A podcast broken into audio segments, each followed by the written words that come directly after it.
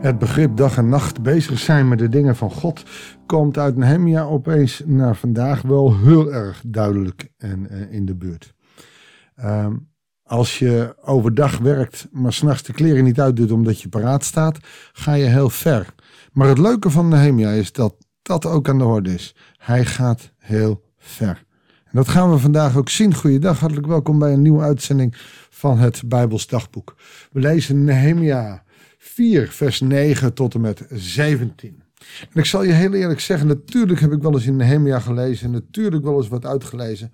Maar als je zo doorgaat, komen er toch prachtige dingen weer naar voren. We leven ze vanaf vers 9.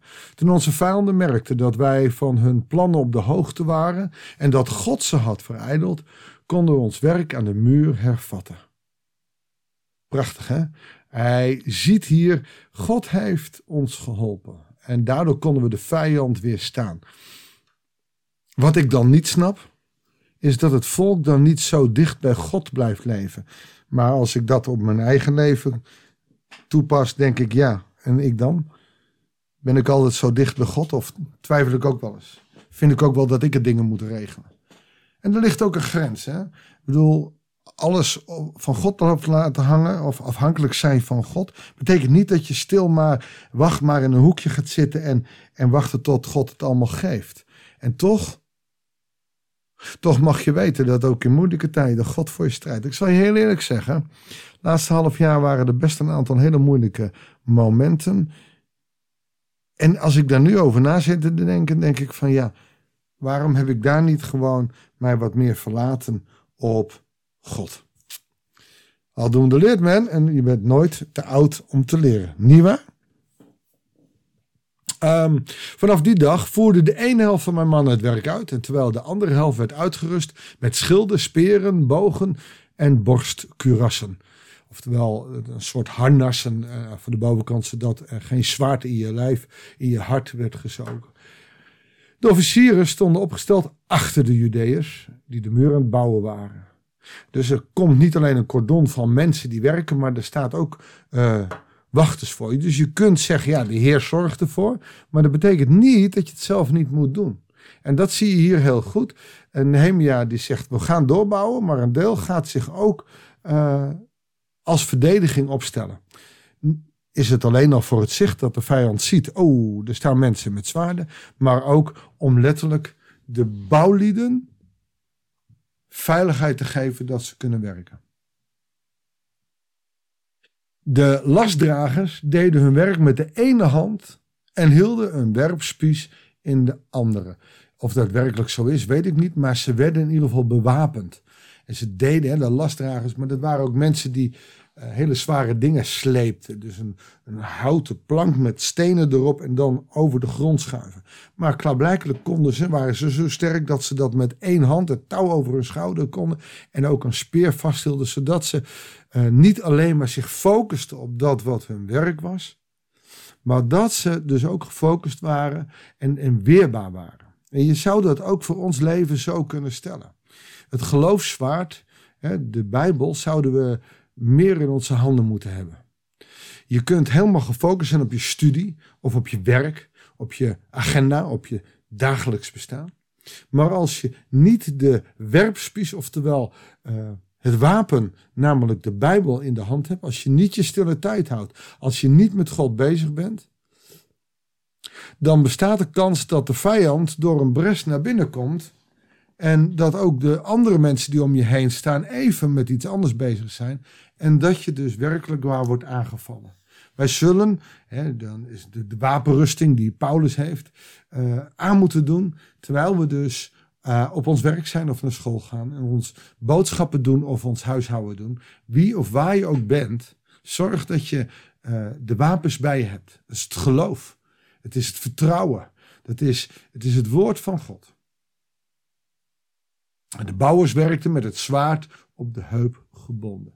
Naast mij stond een ramshoornblazer. En ik zei tegen de vooraanstaande burgers, de bestuurders en de rest van het volk, doordat er veel werk te doen is aan heel verschillende delen van de muur, werk op grote afstand van elkaar. Als u de ramshoorn hoort schallen, moeten zich bij ons voegen op de plek waar het geluid vandaan komt. En ik kan je beloven, een ramshoorn, die hoor je nou op grote afstand. Ik bedoel, Jeruzalem ligt op een berg. Reken maar dat op de andere bergen ook die ramshoorn nog steeds te horen was.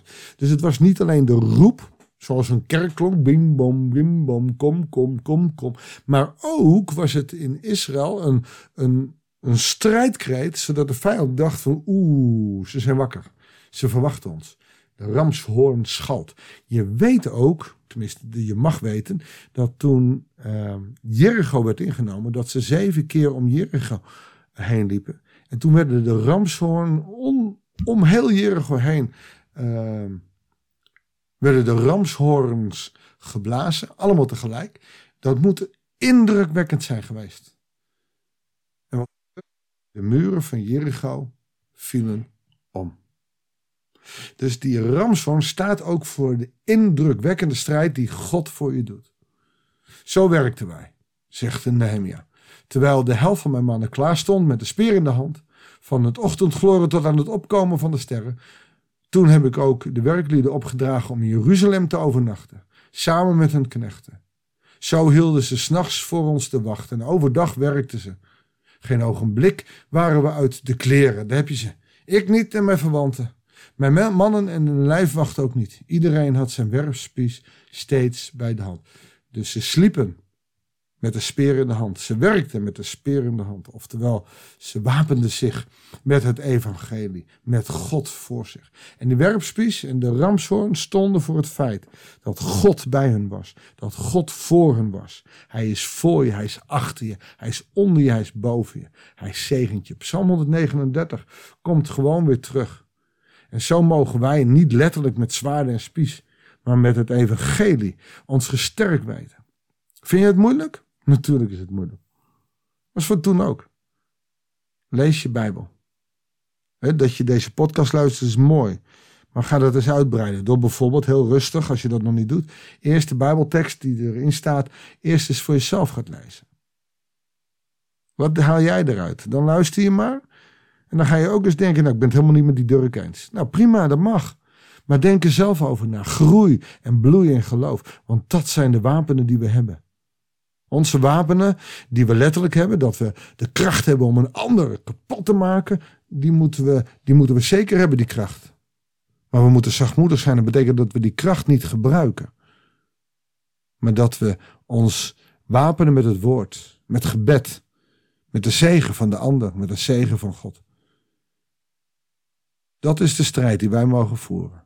Een zachtmoedige strijd, maar wel een strijd die velen zal winnen voor het leger van de Heer. Mag ik je uitnodigen om samen met mij te bidden? Dank u wel, Hemelse Vader, dat we zo mogen lezen hoe